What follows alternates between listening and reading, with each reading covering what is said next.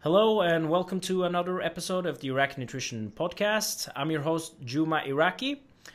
Before we start with today's episode, I just want to inform that this podcast is available on YouTube, but you can also find it on SoundCloud, Stitcher, and iTunes as well.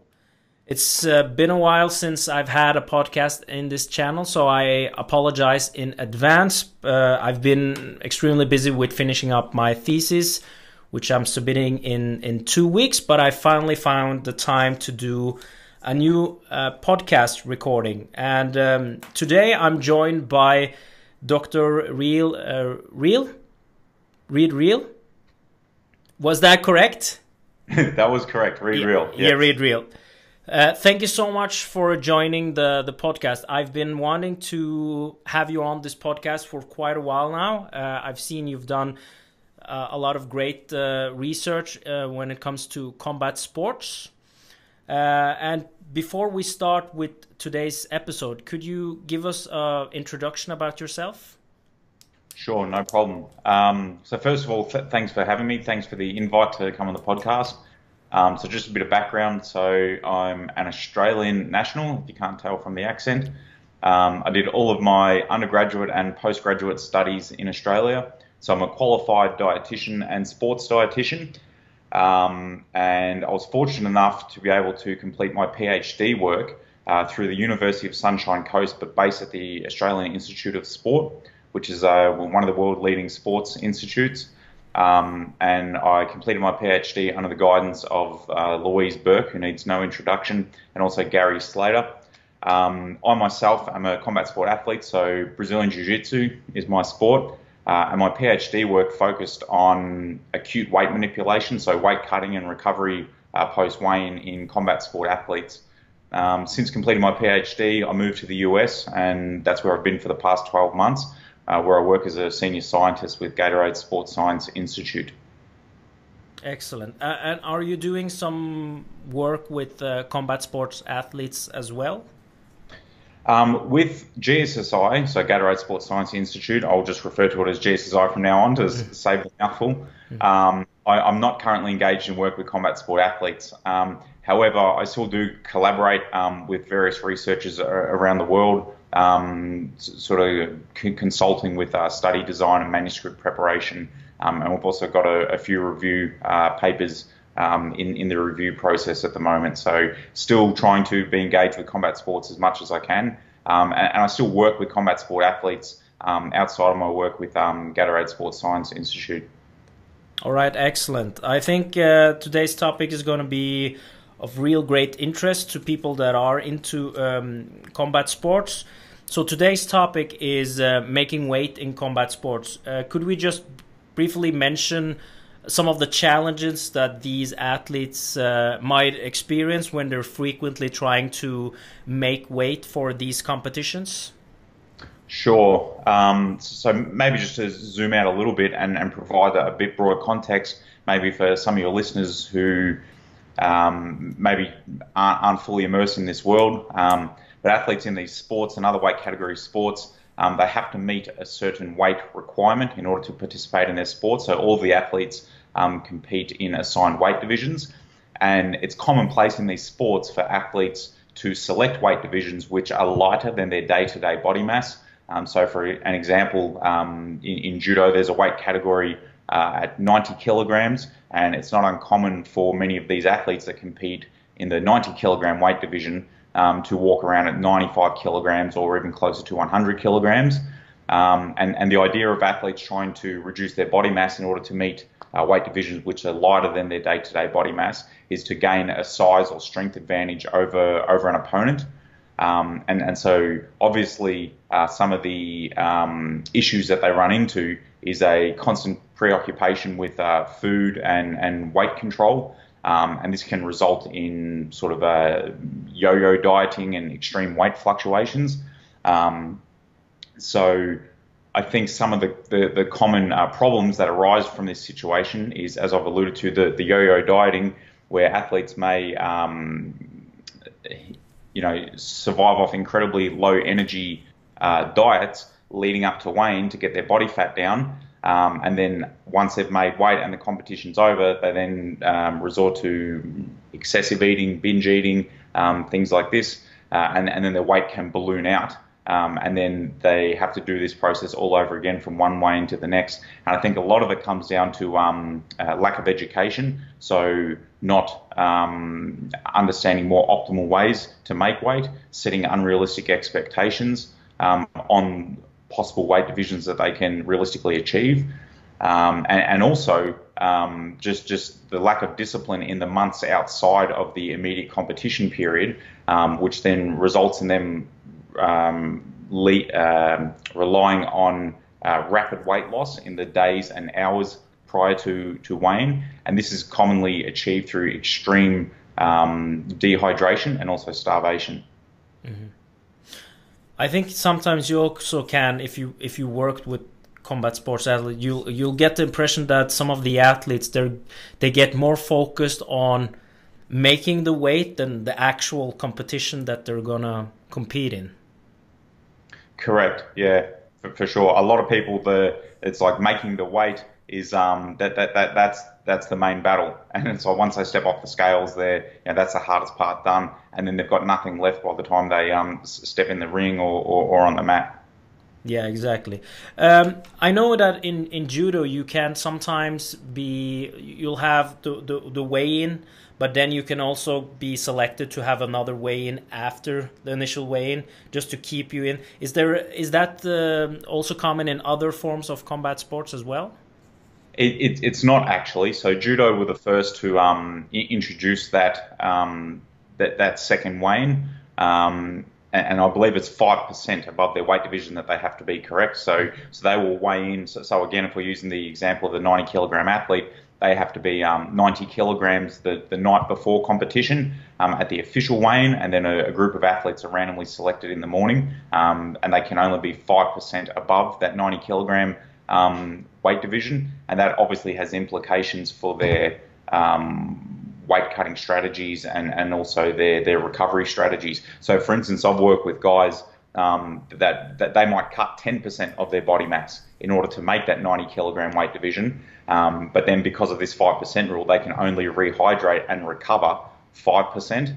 Um, and then once they step off the scales from that second weigh-in, they continue their re- recovery efforts. But it's certainly, um, uh, you know, ha- has implications on their on their weight making strategies. And and to answer your question directly, it, it's it's not in other sports at the moment. Although I do hear there is talks in some of the MMA organisations and even the UFC to introduce a, a second weigh-in closer to the fight, um, and, and and that's in in attempts to um, combat some of this extreme dehydration and extreme weight fluctuations that we're seeing. Yeah, because one one of the, the, the issues I know. I know uh, Dr. James Morton and Dr. Graeme Close from Liverpool John Moore has focused a lot on the the dangers of some of the methods that a lot of these combat sports are are using to make weight. Could we just describe some of the the methods that are used and maybe also tell us about the more extreme parts of how, how much people are actually losing uh, in a short period of time?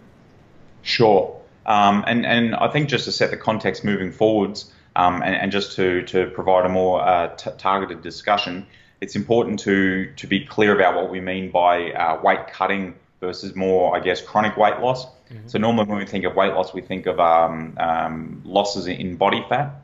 And so for most athletes, the idea is they want to be lean um, with low levels of body fat and high levels of muscle mass. Um, but then with weight category sport athletes, obviously the actual weight becomes important, not just your level of body fat. So if we think about chronic weight loss in terms of losing body fat, um, that, that's one side of the equation. But then what, what my PhD focused on, and I, and I, guess what we're going to talk about today, is the acute weight loss. So the actual weight cutting is everything that is not fat mass. So obviously, in order to lose fat mass, we need to um, uh, be in an energy deficit. But then, in terms of the acute weight loss, uh, so the weight cutting prior to weigh-in, um, it, it's everything that's not fat mass. And athletes will basically use dehydration and various forms of starvation um, in, in, order to achieve this. So the dehydration can, can be through fluid restriction, um, but but also uh, forced sweating. So um, either uh, passive sweating methods, so saunas, heated rooms, um, hot hot baths, hot showers, things like this. Uh, or active sweating, so um, increased exercise to promote further sweating. And then in terms of starvation um, or, or, just food restriction, obviously, if you don't eat food for two days, um, you're going to empty your gut. There's not going to be food hanging around your gut, so that's one side of it, um, but also glycogen depletion. So uh, either complete food avoidance or um, incredibly low carbohydrate diets, you're going to lose um, stored glycogen, and so that's a, that's another um, area uh, that body mass can be taken from. But again, just just to kind of really uh, hammer the point home, if we think about chronic weight loss is fat mass, and then acute weight loss is going to be fluid and gut content. And within that fluid, excuse me, I would count glycogen um, in, in that fluid compartment, as we know that uh, the majority of the, the weight of glycogen is fluid. Um, and then in terms of the extreme practices or, or, the extreme magnitudes of weight loss that athletes engage in, um, it's not uncommon uh, for athletes to lose over 10% of their body mass um, in the last uh, two, two, to three days before weigh-in.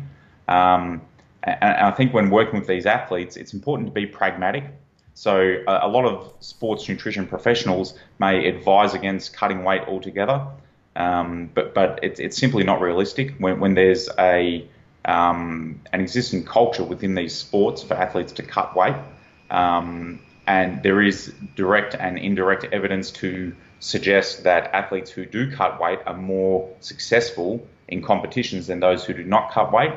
Um, and also the, the, the, rules of the sport allow it because there is time between the weigh-in um, and the competition for them to recover um, from these acute weight loss processes or, or, strategies. Sorry. So thinking that we're going to um, uh, uh, suggest that athletes should not cut weight, I think is unrealistic.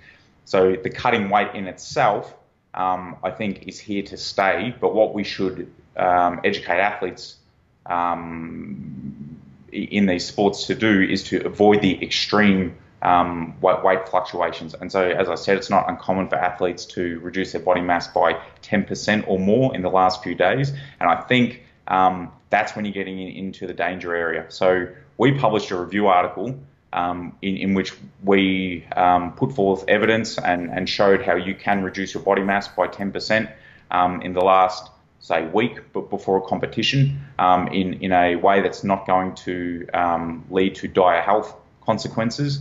Um, but I would not be comfortable with recommending athletes losing more than 10% of their body mass in that last week. I, I think 10% for athletes engaged in a sport with a 24-hour weigh-in um, is, is, the uppermost limit that, that, that I would um, aim for. Okay, interesting. That was actually my follow up question if there's were if there were like some guidelines for how much like what should be the maximum weight you cut during the the, the week so 10% seems to be like the upper range you're saying yeah, I would say, I mean, and we can talk more about this, but 10% via a combination of acute weight loss methods. So it's certainly not 10% dehydration. Um, 10% dehydration um, in isolation is crazy, but a combination of uh, gut content manipulation, glycogen depletion, um, and then dehydration on top of that. I think 10% um, for a 24 hour weigh For athletes who weigh in in the morning um, of a competition, uh, we reduce that to 5%. And sim- that's simply because you don't have the recovery time available to refuel and rehydrate. Certainly, athletes do more than this, um, but, but again, taking like an evidence based um, approach to this um, and, and having athlete health in mind, but also being pragmatic, um, recognizing the fact that they're going to do this anyway, and we want to help them um, improve their competitive success while, while managing uh, any health risks. Um, yeah, 10% for a day before and 5% for a day of weigh-in. Okay, excellent. Now, I, I know one of the strategies is to um, do water loading and then manipulate water. Could you tell us about the the, the, mechanistic on, on how the how that can work with uh, reducing the amount of water you have in your body, and maybe also talk about some of the research you've done in that area? Sure. Um, so, so, just to provide context to water loading for those who might not be fully aware of it, so water loading is a process um, which appears to be uh, popular in bodybuilding circles um, also powerlifting, weightlifting circles, and certainly combat sport um, circles, and in particular MMA athletes. I think there was some research to say that over 70% of MMA athletes in the UK um, engage in water loading. And so, how water loading is implemented is athletes um, drink um, large volumes of fluid for several days in a row. So, to give you an example, an athlete might drink 10 litres of fluid um, for three days in a row. And the whole idea is that that's going to up um, regulate um, processes responsible for urine production, which of course we know is true. If you drink 10 litres of water, you're going to be going to the toilet very often. Um, and so you upregulate this urine production and then you cut out the fluid altogether or you reduce the fluid. So you might go 10 litres per day for three days, followed by two litres on day four and then zero on day five, or you might just completely cut it 10 per day um, down to zero. And the idea is that you've upregulated um, this urine production and it stays upregulated for a period of time following the fluid restriction. And so the idea is that you would then lose more fluid during that fluid restriction than if you simply um, consumed your habitual uh, fluid intake for three days and then reduce fluid. And in terms of the research that we've done, so as part of my PhD at the Institute of Sport in Australia, it was kind of the uh, crowning uh, achievement, the final study of my PhD. Um, we conducted a trial which looked at water loading. So we recruited 22 combat sport athletes and we brought them to the AIS and we had them um, complete a training camp um, and in this training camp, we, we monitored everything. So we we um, had diets, standardized diets provided to the athletes, which were based on their, their body mass, um, and and the diets were, were matched for protein, carbohydrate, um, fiber, uh, fat, and and energy, uh, which again was relative to their body mass. And we, we had the, the diets or, or all the food uh, weighed out by dietitians and, and provided to the athletes. Um, so everyone ate the exact same thing but we divided them into two groups. We had one group uh, as a water loading group who consumed um, 100 mil per kilogram. So for a 100 kilogram athlete, that was 10 liters um, per day. So again, I'll just use a 100 kilogram athlete for, for the um, ease of um, de- describing this study. But so the water loading group consumed 10 liters per day for three days, and the control group consumed uh, 4 litres or 40 mil per kilogram per day for three days. And then on day four, um, they restricted fluid to 15 um, mil per kilogram, so that for the 100 kilogram athlete, 1.5 litres. Um, and then on the, the final day, the weigh-in, they consumed nothing until about uh, 10 a.m., which was the mock uh, weigh-in. Um, and we measured urine production throughout the, the whole week. We also um, did bloods twice a day to look at hormones. Um, and, and, what we found was, it was actually surprising to me, is that the water loading actually worked. So the water loading group lost double uh, the weight during that fluid restriction um, as the control group. And to be honest, I actually wasn't sure whether it was going to work because a lot of athletes do a lot of crazy things and they, they do it because everybody else in this sport does it and they've heard that it works, um, but, but we don't know whether a lot of these things work. Like there's a whole lot of uh, bro science out there. And the problem with uh, weight cutting strategies as well is that often athletes do or engage in many strategies all at once. So maybe they're manipulating their salt intake, they're eating no carbohydrates, they're sitting in saunas, they're going for runs um, at the same time as they're doing this water loading. So to tease out um, what's actually having the effect is quite difficult and, and I would argue impossible without doing a proper controlled um, trial and like the one that we did. And, and again, it, it actually works. So the water loading group um, lost double the weight, but having said that, double sounds like a lot. In our study, it was only the difference was the control group lost um, 0.6% of their body mass on that last day, so following following following a fluid restriction, and the water loading group lost 1.2%. Um, however, our protocol was fairly conservative. So again, um, 10 liters per um, per day for a 100 kilogram athlete. Although it sounds like a lot, um, a lot of the athletes that are already doing this um, uh, out out in the field, so to speak, are doing a lot more than that. So I've heard of athletes that are 60 kilograms doing 10 liters of fluid, um, and our fluid restriction was quite um, mild as well. So we didn't completely restrict fluid. We just uh, backed off the fluid to um, 1.5 liters for that last day, and then nothing until 10 a.m. on the on the uh, final day before the weigh-in. Again, many athletes uh, go a lot more extreme than this, where maybe they'll go uh, 36 hours with no fluid altogether. Um, and so my feeling, and, and from the, the reading that I've done, um, is that in those situations, the the um, difference in fluid loss would probably be uh, considerably greater than what we found in our study. Oh, excellent.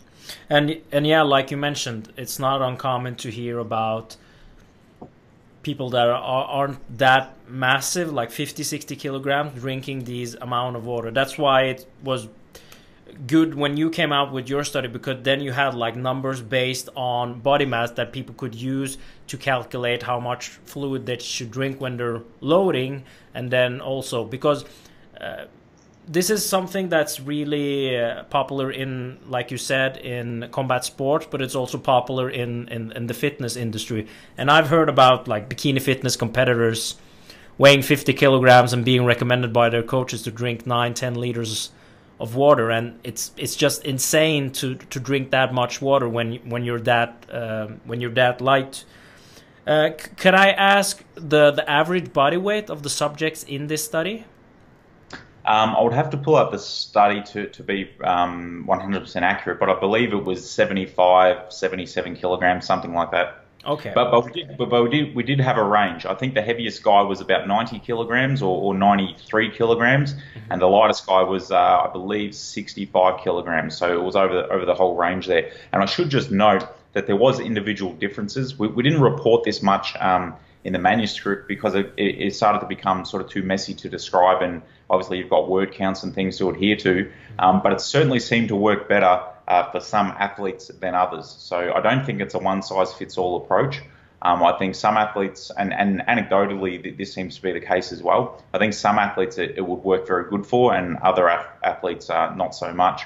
And I would also just like to communicate um, to your listeners uh, that for me, the using water loading as a way to acutely manipulate body mass is more of a um, I don't know if last resort is, is, is the right term, but it's certainly not a, uh, a, a, first resort. Um, I would use all the other strategies available to me, use all the other tools in the tool belt first, um, and then if, if the, the magnitude of weight loss that is required um, is, is p- perhaps warranted, only then w- would I use the, the, the water loading. It's more like an icing on the cake um, type type strategy rather than a, a first port of call because you can get like, like I said in that uh, that uh, review article that we published, you can certainly get um, 10% of your body mass um, in acute weight um, reduction without resorting to water loading. And and given the um, the the burden of drinking all that fluid and, and being awake all night running to the toilet, I think there's better ways to do it. Mm-hmm. Yeah, I would uh, I would agree on that. And also when we're talking about this uh, do you do you feel that a lot of these combat sports athletes should be uh, maybe closer to their match weight when they're not in competition mode, or do you think that would be maybe detrimental to their performance when they're when they're training? Yeah, it's um, it's hard. It's it, it's always individualized. Um, and it depends on the sport. So we've conducted a, a, a, series of studies. So one which looked at boxers and one which looked at judo athletes, um, and we are looking at the uh, acute weight gain post weigh and competition success.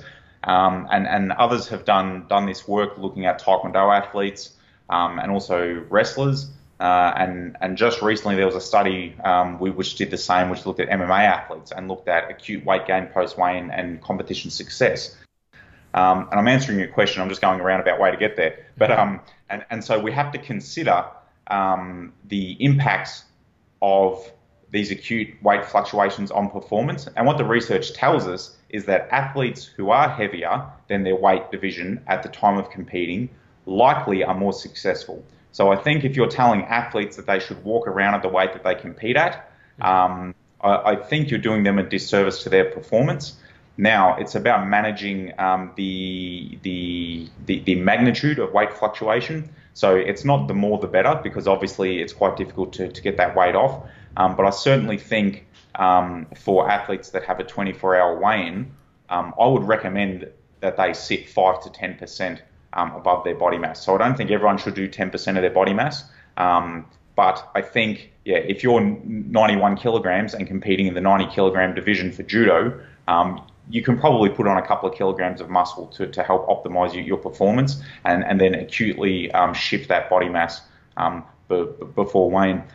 And then with other sports, it's different. So what we found was in, in boxing, in amateur boxing, Olympic boxing, um, there, there, seemed to be no effect um, of being of weighing more than your opponent um, at the time of competition. So I think there's two things. I think it's the modality of the sport. I think for grappling, the, the research says that it's more important to be heavier than your opponent um, than in striking sports. And for sports with greater um, um, time periods between the weigh-in and competition, it's more important as well. And, and simply because there, there's the time available to do it. Excellent. Now I, have a um, I have another follow up question because, like I mentioned uh, to you earlier, I, I, I do work with combat sports athletes, and one of the challenges that I experience sometimes is you'll have an athlete that are their their minds are locked on their they want to compete in that weight division, but they're extremely lean, and there's like there's a challenge with trying to get them to either uh, go up a weight class or actually trying them to basically lose muscle mass to make it. What's what's your take on on that?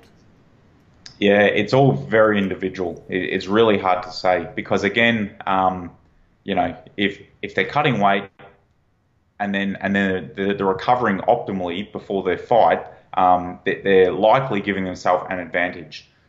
Um, so and and although this is a difficult situation, however, some of the best fighters um, do the biggest weight cuts as well. Mm-hmm. Um, it's not the case for everyone, but um, I, I, think it is very very, very individual. Um, and but but then the decision to step up a weight category um, is a big one as well. And depending on the sport, if it's if it's boxing um, where there's only a couple of kilograms in between each weight division, maybe it's more realistic. But if you're talking about an MMA fighter um, I believe the, the middleweight division is 84 kilograms, and then the or 85 kilograms, and then the light heavyweight is 93 kilograms. Like that's a big jump, mm-hmm. and so you know expecting them to and and then if they if they step up, if they're um, just making middleweight, although struggling to make middleweight, maybe they're 92 kilograms themselves, and then you're going to suggest they move up a weight division, and then they're going to fight guys who are not only heavier than them at the time of weighing, but are likely 10% or more above that by the time they step in the ring. Mm-hmm. Um, it's a big ask. So it's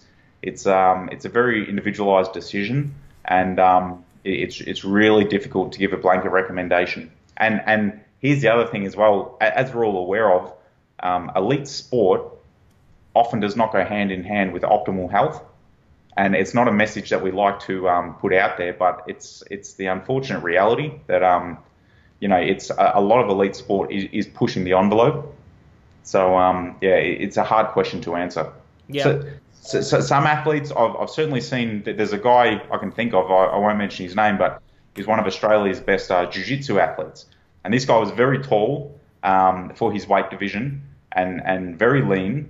And uh, and in jiu-jitsu, I tend to think that um, being being tall and lean and having long levers um, is advantageous and he made the decision to go up a weight. And I personally thought it was a bad decision. And at the new weight, he's killing everyone. So for him, it was the right decision. Although I, I really didn't think it was. So it, it's, it's hard to say. I think it's case by case basis.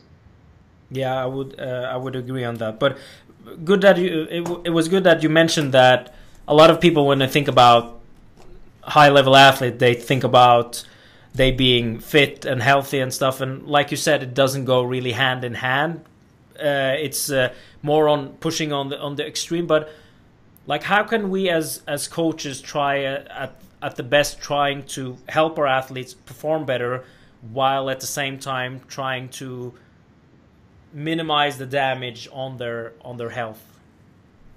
Yeah, and and so so the example that you gave before with the with the really lean athlete who's already struggling to make weight, that's um hopefully that's a that's a fairly rare example. But overall, I think um, being pragmatic, so acknowledging that athletes are going to engage in some of these practices, but offering them um, education and pushing them to go out and source um, evidence-based um, recommendations and guidelines as, as to the, the, best ways that they can optimize this acute weight loss process. So, so one is education and understanding the best ways um, to cut weight, but then two, setting realistic expectations. So again, um, using that sort of five and ten percent um, guidelines that I suggested before, um, and, and, it doesn't have to be. That's the upper limit. But if we wanted to say that um, cutting at least some weight provides a competitive benefit, then maybe we can say um, the athletes with 24 hour weigh-in should be 5 to 10% above their weight division.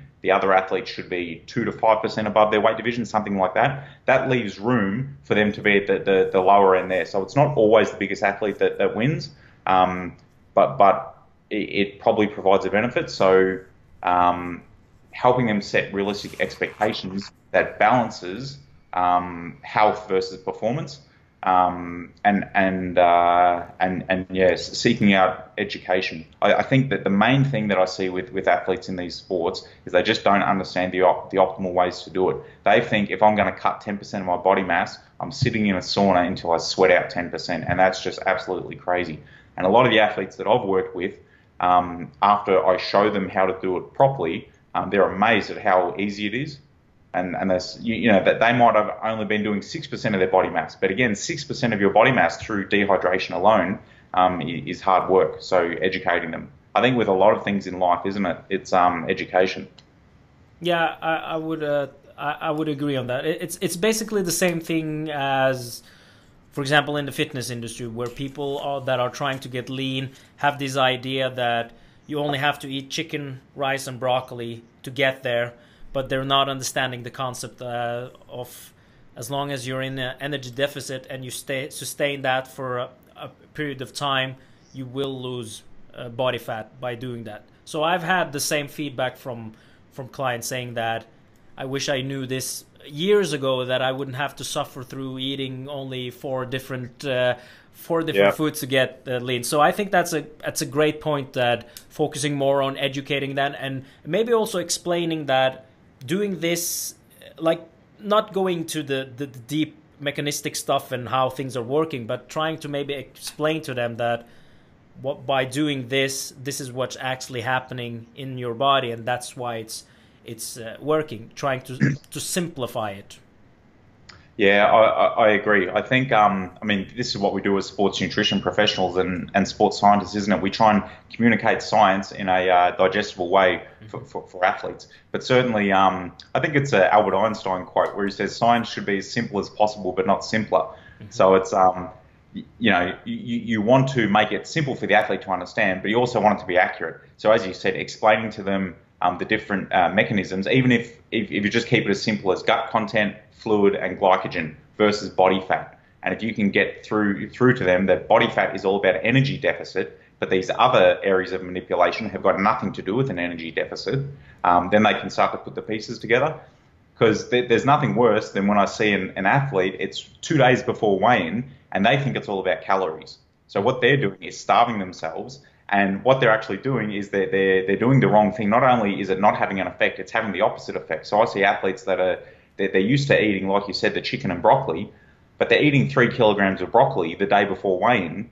It, it might only be 500 calories or 1,000 calories or whatever it is, but that's a that's a whole lot of food weight that's sitting in their stomach. Mm-hmm. Whereas what they could be doing, and I've certainly seen, um, you, you, mentioned judo. Uh, some some of the judo athletes taught me this years ago. Um, but you could be eating chocolate the day before weighing. So that's high energy, very low weight, doesn't sit heavy in the stomach, um, and it's counterintuitive to what a lot of people would think because they think, you know, I don't want to eat high calorie foods, but it's actually the opposite. The day before weighing, you want to be eating incredibly energy dense foods that don't weigh very much because it, it's not about losing body fat at that stage. It's about um, reducing your gut content and, and the, the, the fluid in, in your body. So yeah, again, education and explaining it to athletes.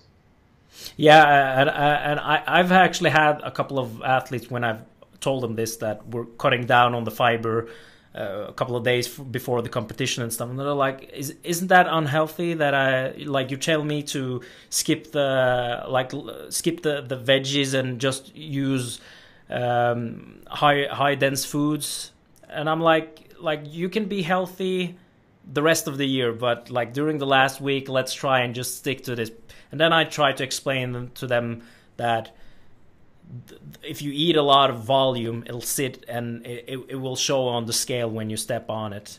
But yeah, a lot of people question that strategy because they're like, that doesn't sound healthy at all to eat that way. But we're like, like we're just doing it for a short period of time anyway. So. Yeah, and and again, it's um, I, I mean, you, you sort of got to this there, but it's on the back of a healthy diet, right? If 95% of the time you're doing everything right, um, you know, our bodies are amazing things, and our bodies know how to store nutrients for for when we need them. So, for three days of low fiber isn't going to hurt you. Yeah, exactly, exactly. All right, Reid. So uh, to, to, to summarize this uh, podcast, could you give us a, a take-home message that you want uh, the listeners to to have gained from this uh, this short podcast? Yeah, I think um, probably the, the, the take-home message that I like to um, deliver to sports nutrition professionals working with these athletes it's kind of there's one message to the athletes and one message to the to the professionals. To the athletes, it's educate yourself, and to the people working with the athletes, it's be pragmatic. I've seen so many dietitians that just say, um, "Don't cut weight; it's unhealthy. You should never dehydrate yourself." You know, it's all about eating your your five vegetables a day and blah blah blah and all this stuff, and the athletes just tune out. So I think be pragmatic is is, is the take home message when working with these athletes. Be pragmatic. Excellent. I, I think that's a that's a great point because it's it's it's uh, I can find similarities to that with with supplements, for example. Like you'll have a group of people, like you'll have sports scientists or sports nutritionists say you should never use supplements, uh, and then you maybe have the more uh, educated um, nutrition that will say that there's actually some supplements that can work, and we can strategically use them as long as we uh, take some um, precaution when we're trying to bring in the supplements. Like we'll check um, if they're analyzed and if, if there's not uh, contamination there. Because I also experienced that with a lot of athletes. That if you're trying to give them like these basic nutrition recommendations and just say, don't focus on supplements, just eat vegetables five times a day, they'll, they'll just lose the interest in actually doing anything with, with their uh, nutrition. Mm-hmm. Yeah, it, it's all about buying, isn't it? You have to um, you have to pick your battles when working with these athletes. Some things are worth um, um, discouraging or, or encouraging and harping on about, um, and other things aren't. And, and supplements are a great one because again, like if an athlete wants to take a supplement and it's not hurting them, um, maybe it's not worth having the argument over. Maybe maybe have that argument down the track um, rather than go to war over whether he wants to take BCAAs or glutamine, um, and and you know just just keep them interested and keep them engaged rather rather than turn them off. Yeah, exactly. I, I I've just noticed that with when trying to do arguments with athletes, sell them the the the the benefits of doing this for your health at this stage. They're more interested in basically what what can I do now to help me perform better. Is that your experience as well? Yeah, of course, and uh, and and showing them that you're on their side.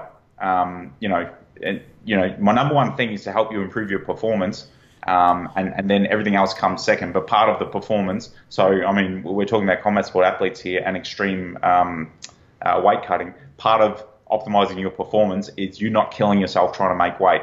So I'm going to help you make weight I'm going to stop you from killing yourself. And then as we form a relationship, I'm going to slowly add in uh, the other things that I want. But the first, you have to show the athletes that you're on their side and, and their performance, which is the thing that they're most interested in, um, is your biggest priority as well.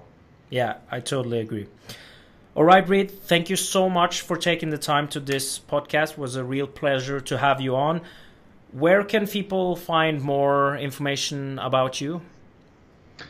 Yeah, I'm, I'm not super active on social media and the likes. Um, I've got a Facebook page which is Combat Sports Nutrition, um, so, so maybe like that. Um, my my posting is quite sporadic. Sometimes I'll, I'll put up something every, every day for, for a week, and then sometimes I won't use it for a, a few weeks. Um, I have an Instagram and Twitter account, and I use neither of them, so you can find me on there, but I, I won't be posting anything. Um, but but ResearchGate, if your listeners are on ResearchGate, um, which is like the Facebook for nerds for academics. Um, I've, I've got all my articles and, and contributions on there. Um, you can do a Google Scholar search and, and find my publications as well.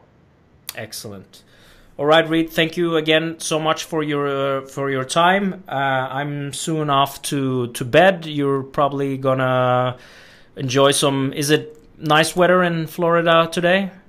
It is. It's um. It's not raining, so, so that's nice. It's, it's very hot outside. I think uh, we'll go for a walk and uh, and get some dinner now.